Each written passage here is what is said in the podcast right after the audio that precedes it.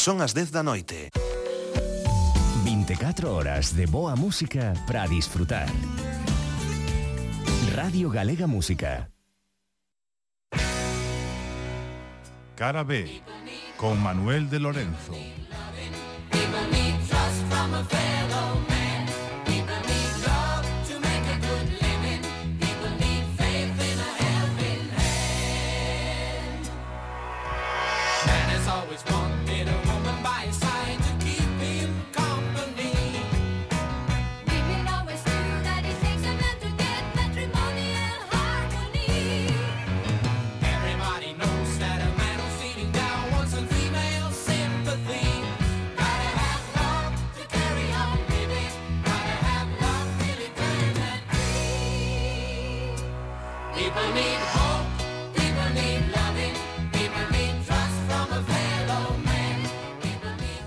Oxe, quero vos contar, moi boas, por certo, a historia individual de catro rapaces moi novos.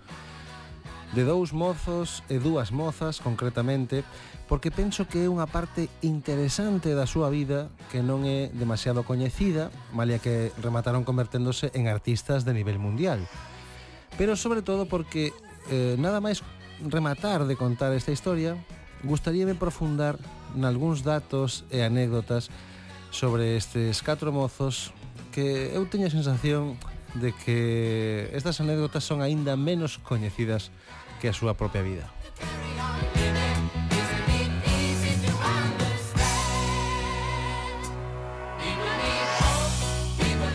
Estou a falar de Agneta Falstock, Bjorn Ulvaeus, Benny Anderson e Annie Fried Lindstad catro persoas que puxeron en marcha un dos proxectos musicais máis coñecidos de todos os tempos.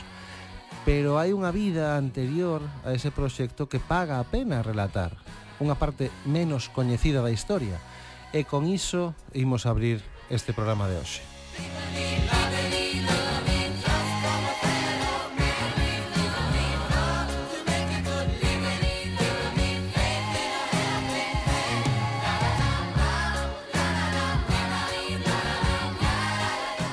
Comecemos con Benny.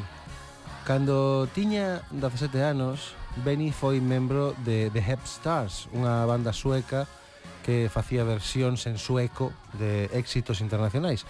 Era moi coñecido no seu país, moi coñecido, tocaba o teclado e non tardou en, en comezar a compoñer temas orixinais como a canción Hey Clown que escribiu para a edición de, do ano 1969 do Melody Festival en o festival que, que servía como preselección sueca para o, para o certame de Eurovisión.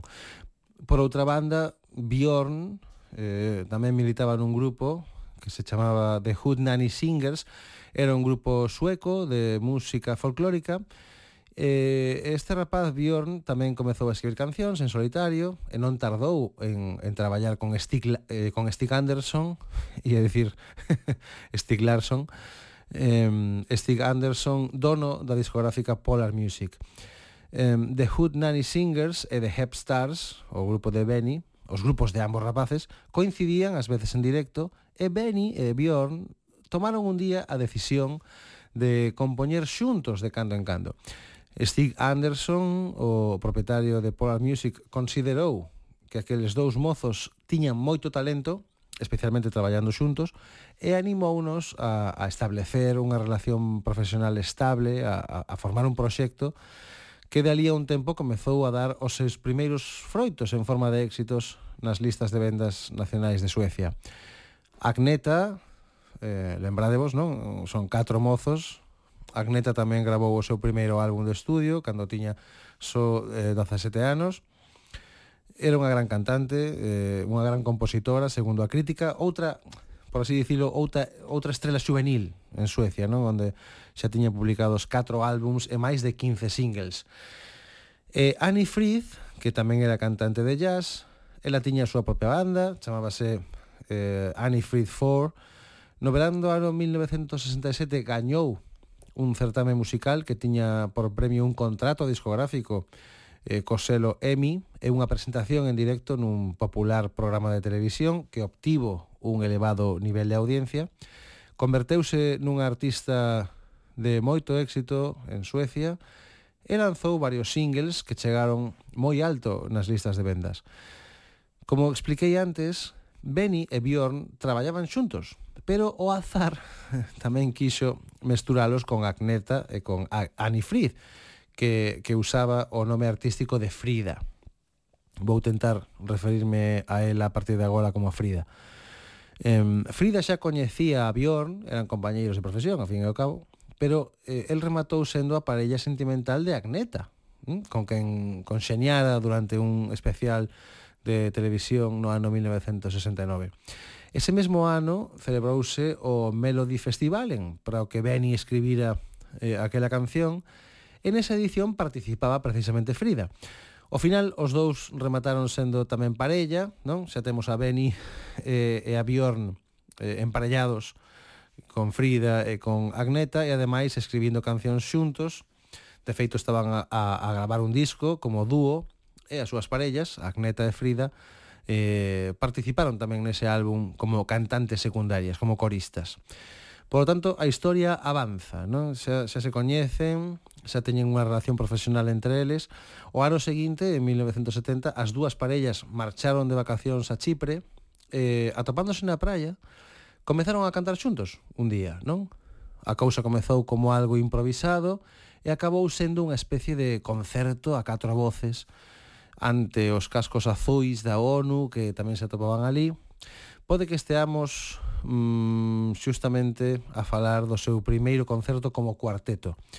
O disco de Benny e de Bjorn non funcionou moi ben, sen embargo, e os catro rapaces decidiron montar unha especie de espectáculo como a un show de cabaré denominado Fest Folk, ou seja, a festa da xente, non por traducilo, pero a cousa saiu aínda peor que o disco, o disco conxunto de Benny e Bjorn, e os catro artistas decidiron concentrarse nos seus proxectos particulares.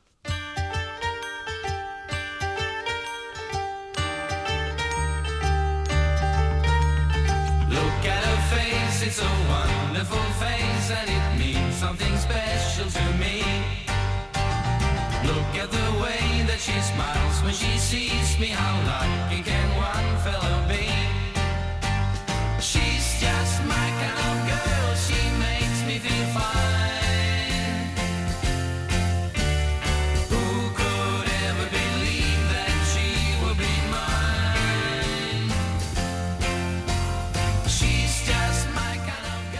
Ira publicou un disco, Agneta publicou outro disco, e Bjorn e Benny, animados por Stig Anderson, apostaron por continuar a escribir temas mm, dun corte máis pop pro Melody, Melody Festivalen, eh, cancións que cantaban outros artistas con considerable éxito en Suecia, non?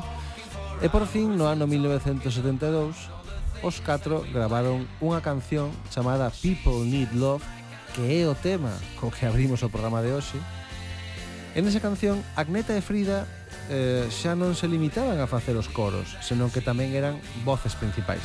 E iso gustou, gustou moito. Tanto que Stig, Stig Anderson, decidiu publicalo como single con coa discográfica Polar Music. O que pasa é que, claro, como era un traballo circunstancial, o cuarteto non tiña un nome como grupo. Así que eh, o tema foi lanzado como un traballo de Agneta, Anifrid, Bjorn and Benny. A canción foi un éxito en Suecia e, e mesmo entrou nas listas de éxitos de Estados Unidos.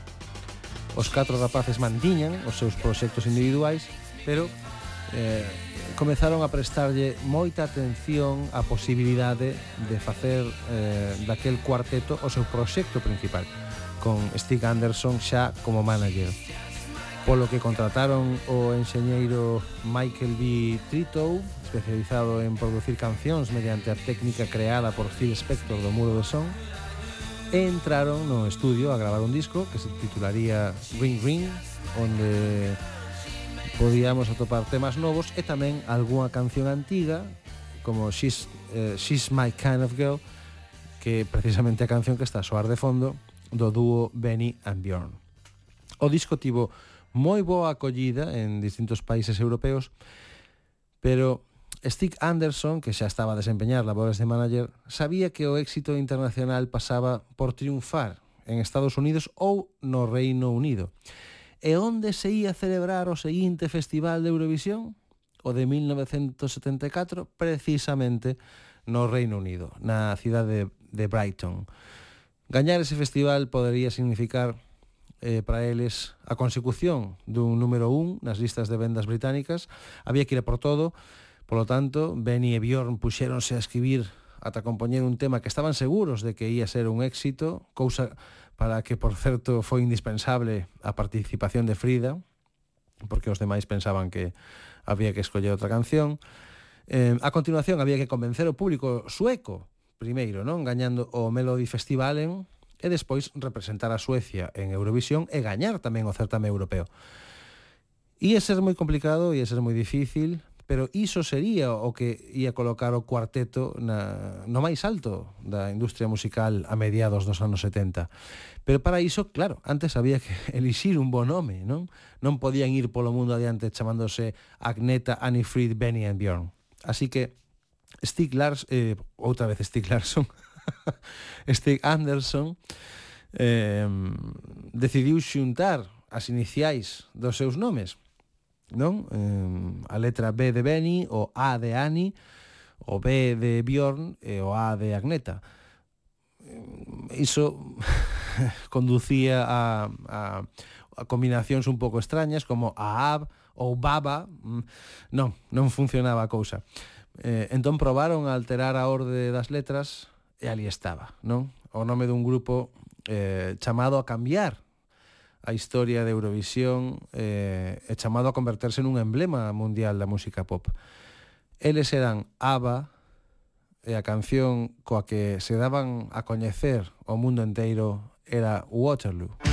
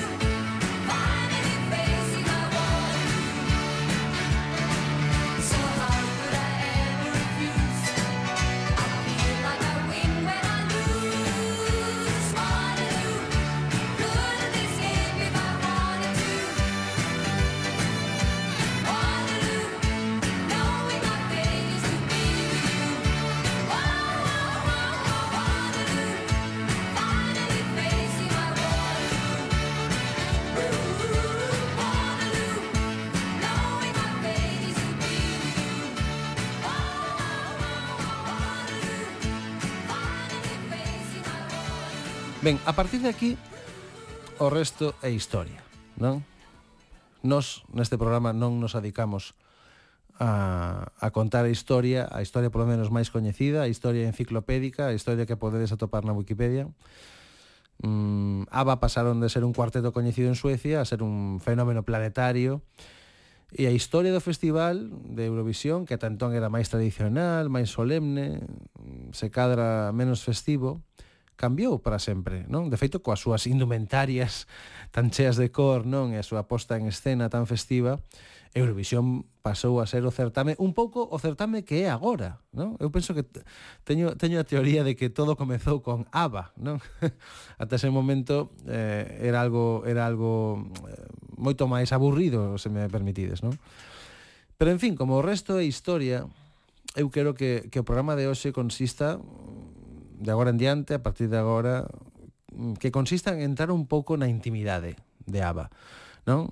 Deses ABBA xa convertidos en, en estrelas do pop, e para iso imos relatar algunhas anécdotas pouco coñecidas da banda e sobre todo imos escoitar moitos, moitos dos seus éxitos.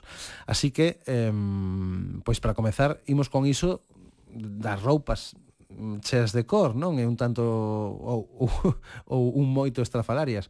Alguén podría pensar que era unha homenaxe ao glam rock dos 70, non? Sen máis, pero eh, a cousa en realidade ten, ten un pouco máis de chicha da que parece, O certo é que a vestimenta de Ava en, a, que, a que utilizaron en Eurovisión no ano 1974 que tanto chamou a atención coas súas botas de plataforma non eh, esas cores, eses traxes tan, tan brillantes a realidade é que foi unha forma de aforrarse cartos. Porque ata entón eh, o grupo, claro, pensade que era coñecido en Suecia, nada máis, non, non, non eran millonarios. E resulta que a lei sueca eh, liberaba de impostos os estilismos que non se correspondesen coa maneira correcta de vestirse diariamente. É dicir, usando esas vestimentas desgravaban impostos ante Facenda. Entón, o seu look no festival eh, gustou moito e claro, converteuse nunha especie de símbolo da banda, así que eles decidiron mantelo. Eh, comezou como algo como unha especie de estrategia fiscal para, para non ter que pagar impostos, pero como dixo o propio Bjorn nun libro, ninguén vestiu xa máis tan mal sobre un escenario como a nós.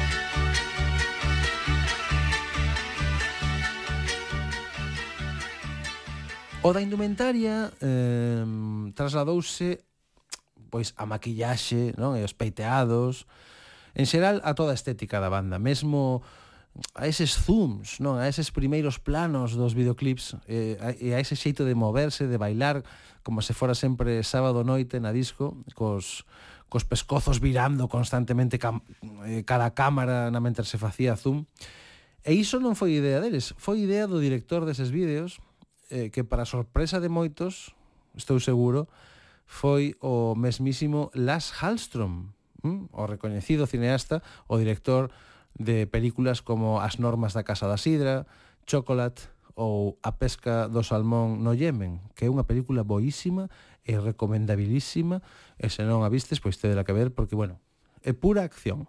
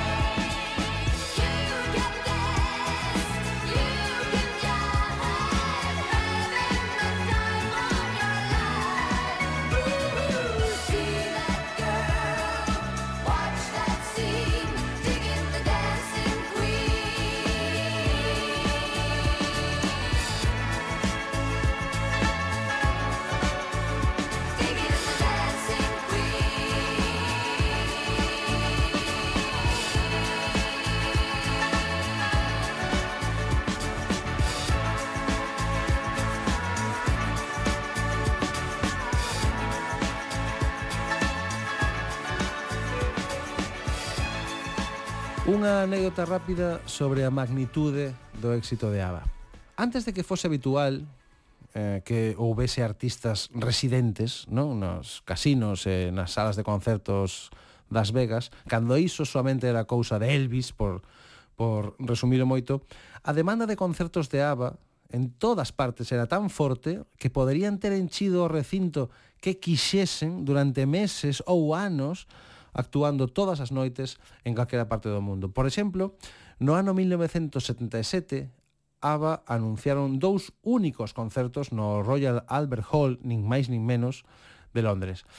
Para poder mercar as entradas había que pedilas por correo, non? O aforo era de 5.200 persoas e recibíronse, atención, 3 millóns e medio de solicitudes. 3 millóns e medio de cartas para poder ir a eses dous concertos no, no Royal Albert Hall de Londres. Iso son dous anos seguidos, eh, dous anos seguidos enchendo cada noite o Royal Albert Hall de Londres. Tremendo.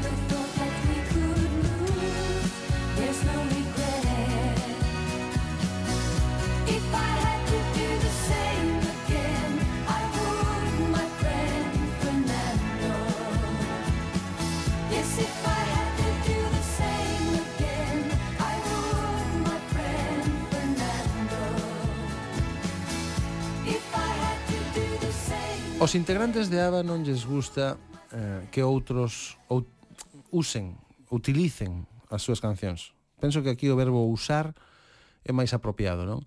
De feito, nunca permitiron que foran eh, usadas para un, para un anuncio, por exemplo, non? E no caso da película Mamma Mía, tan coñecida, eh, a negociación para o uso dos temas no filme foi moi moi dura. Nin a Bjorn nin a Benny especialmente lle agrada que a súa música soe en temas de outros, non? E de feito eh, únicamente deron permiso para usar unha parte dos seus temas como sample en dúas ocasións. A primeira foi en 1996, cando deron permiso os Fugees para utilizar un sample de The Name of the Game, na canción Rumble in the Jungle, e a segunda vez foi a Madonna, eh, que se ampliou o tema Gimme, Gimme, Gimme eh, na canción Hang Up de 2005, pero a propia Madonna recoñeceu que tivo que suplicarlles, eh, e pedirlles por favor que polo que máis quixeran lle deixasen usar esa melodía tan recoñecible na súa canción Hang Up. Agora mesmo eu penso que xa eh, eh, eh, na cultura popular está tan, tan introducida a canción Hang Up de Madonna que eh, no comezo de Gimme Gimme Gimme de ABBA eh, acabamos escoitando a, a, a Madonna cantando Time Goes By So Slowly e ao revés. De todos os xeitos imos escoitar a canción de ABBA e xa me diredes. Música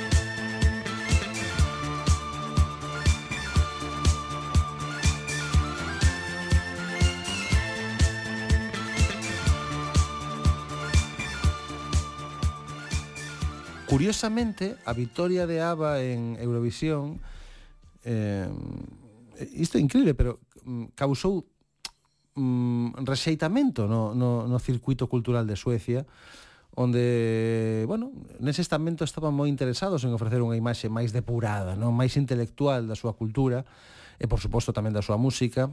E isto era algo que chocaba co carácter moito máis comercial das cancións de ABBA, non? E da súa imaxe.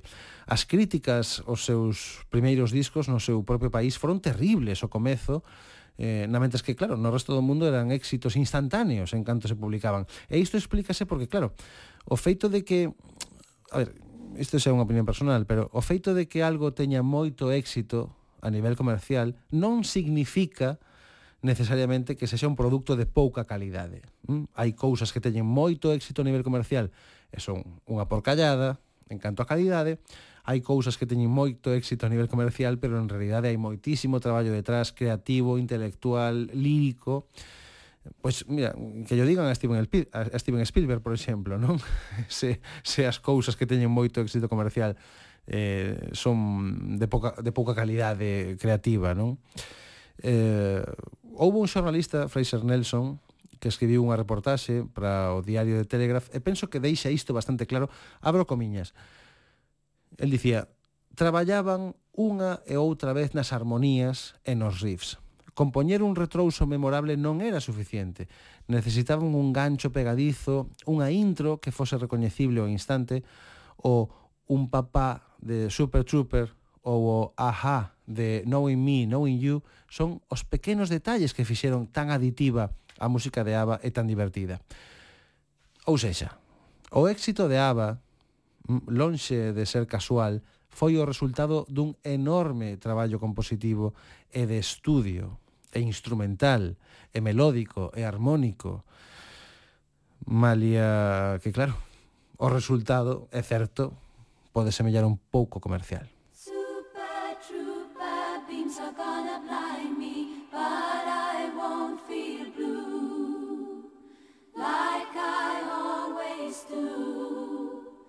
Somewhere in the crowd there's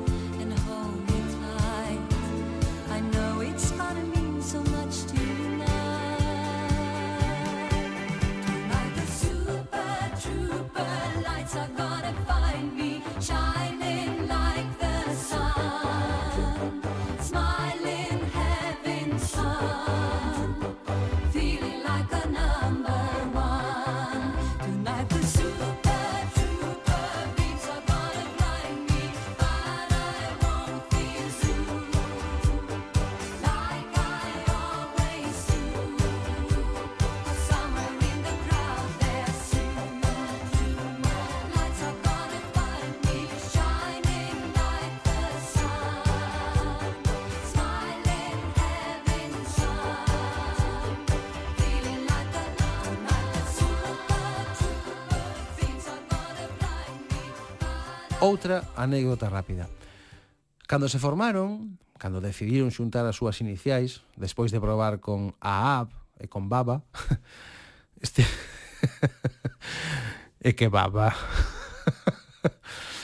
Stick Anderson decidiu eh, que o mellor nome era ABBA. O problema era que ese nome xa era o nome dunha coñecida marca de conservas en Suecia, unha marca de atún ou de mariscos, algo así.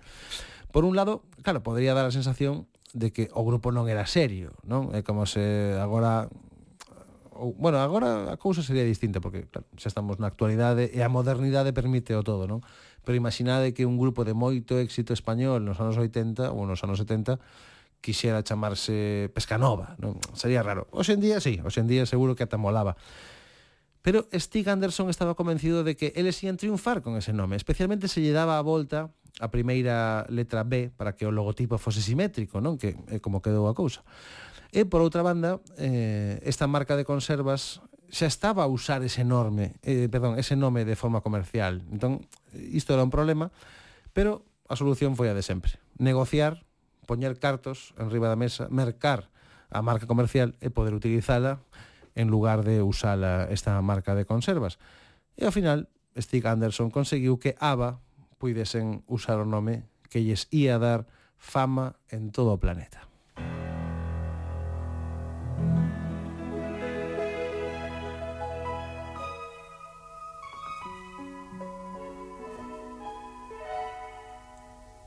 I'm nothing special.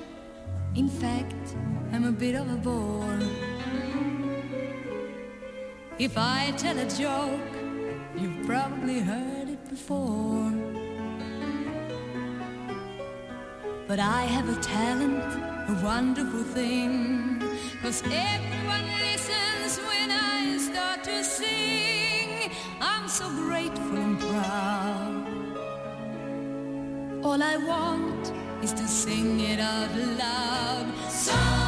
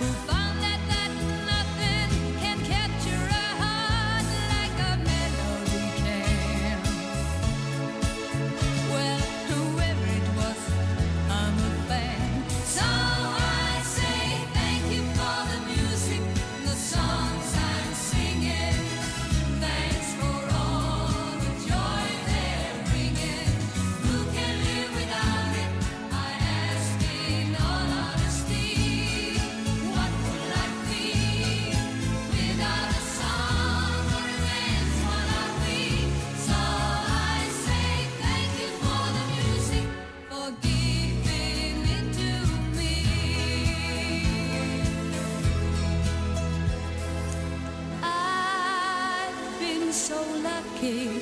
I am the girl with golden hair. I wanna sing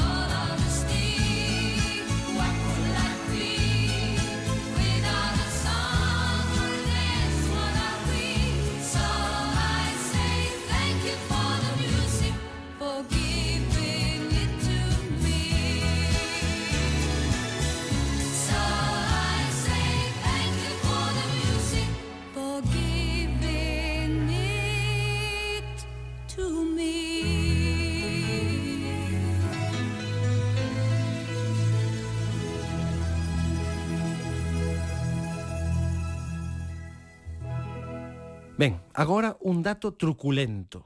Truculento, truculento. Frida, Frida, a cantante de ABBA, foi produto dun experimento nazi que claro, estou a escoitar a min mesmo eh, eh, teño a sensación de que eh, isto está a soar a conspiranoia, pero non, non, é certo, non?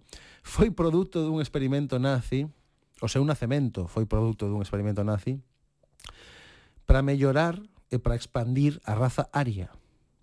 Eu xa sei que isto eh, pode deixar a moitos coa boca aberta, pero así foi. Mm?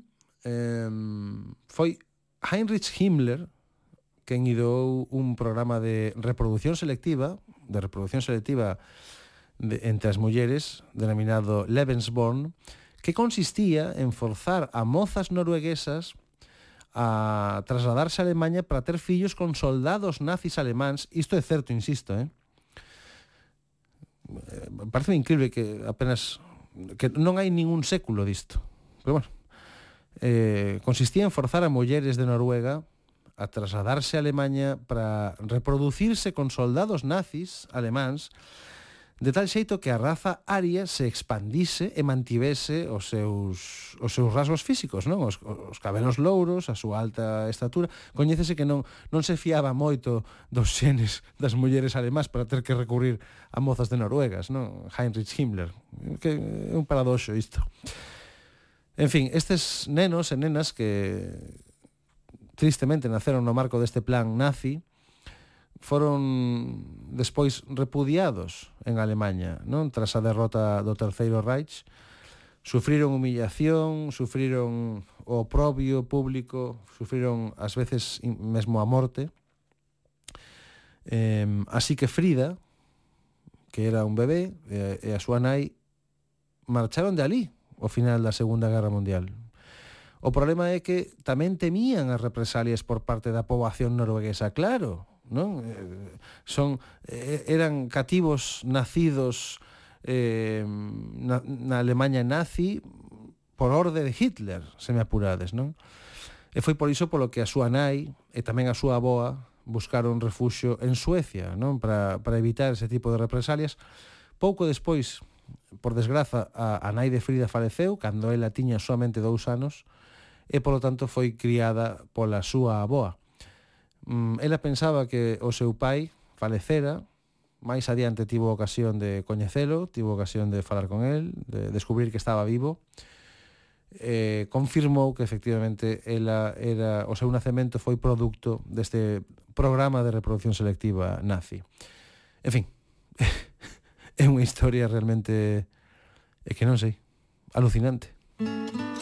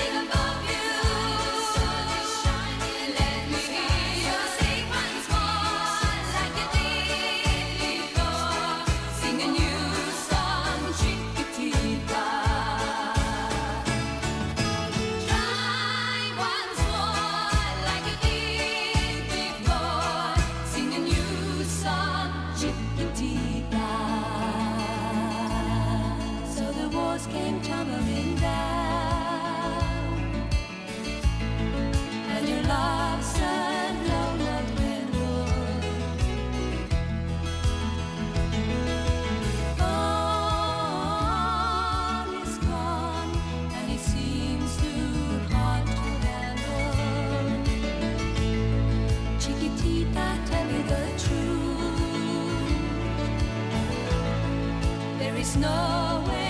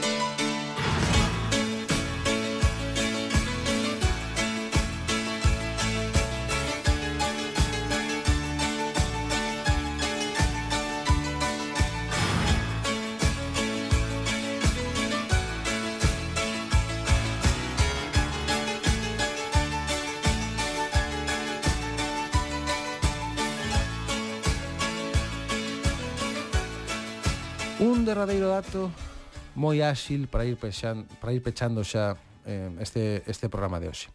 Dende que o grupo se separou no ano 1982, duraron, duraron dez anos. Isto é un pouco parecido aos Beatles, non? Duraron unha década e, e aínda hoxe son un fenómeno mundial.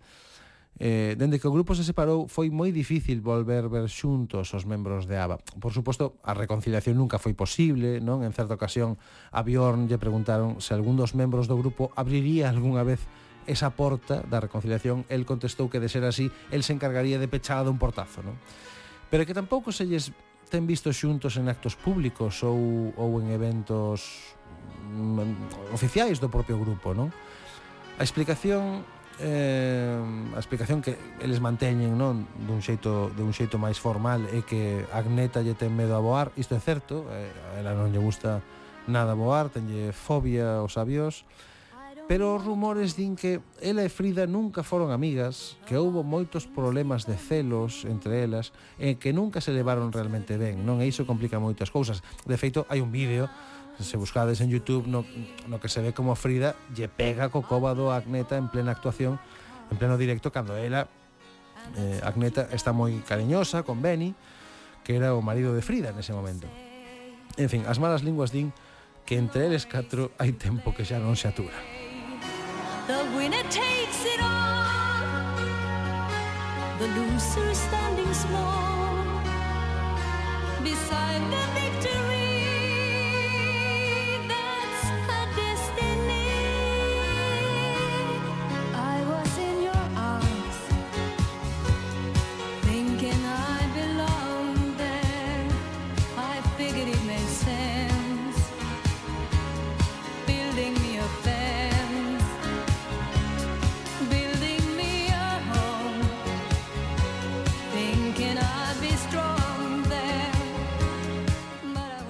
E nada máis.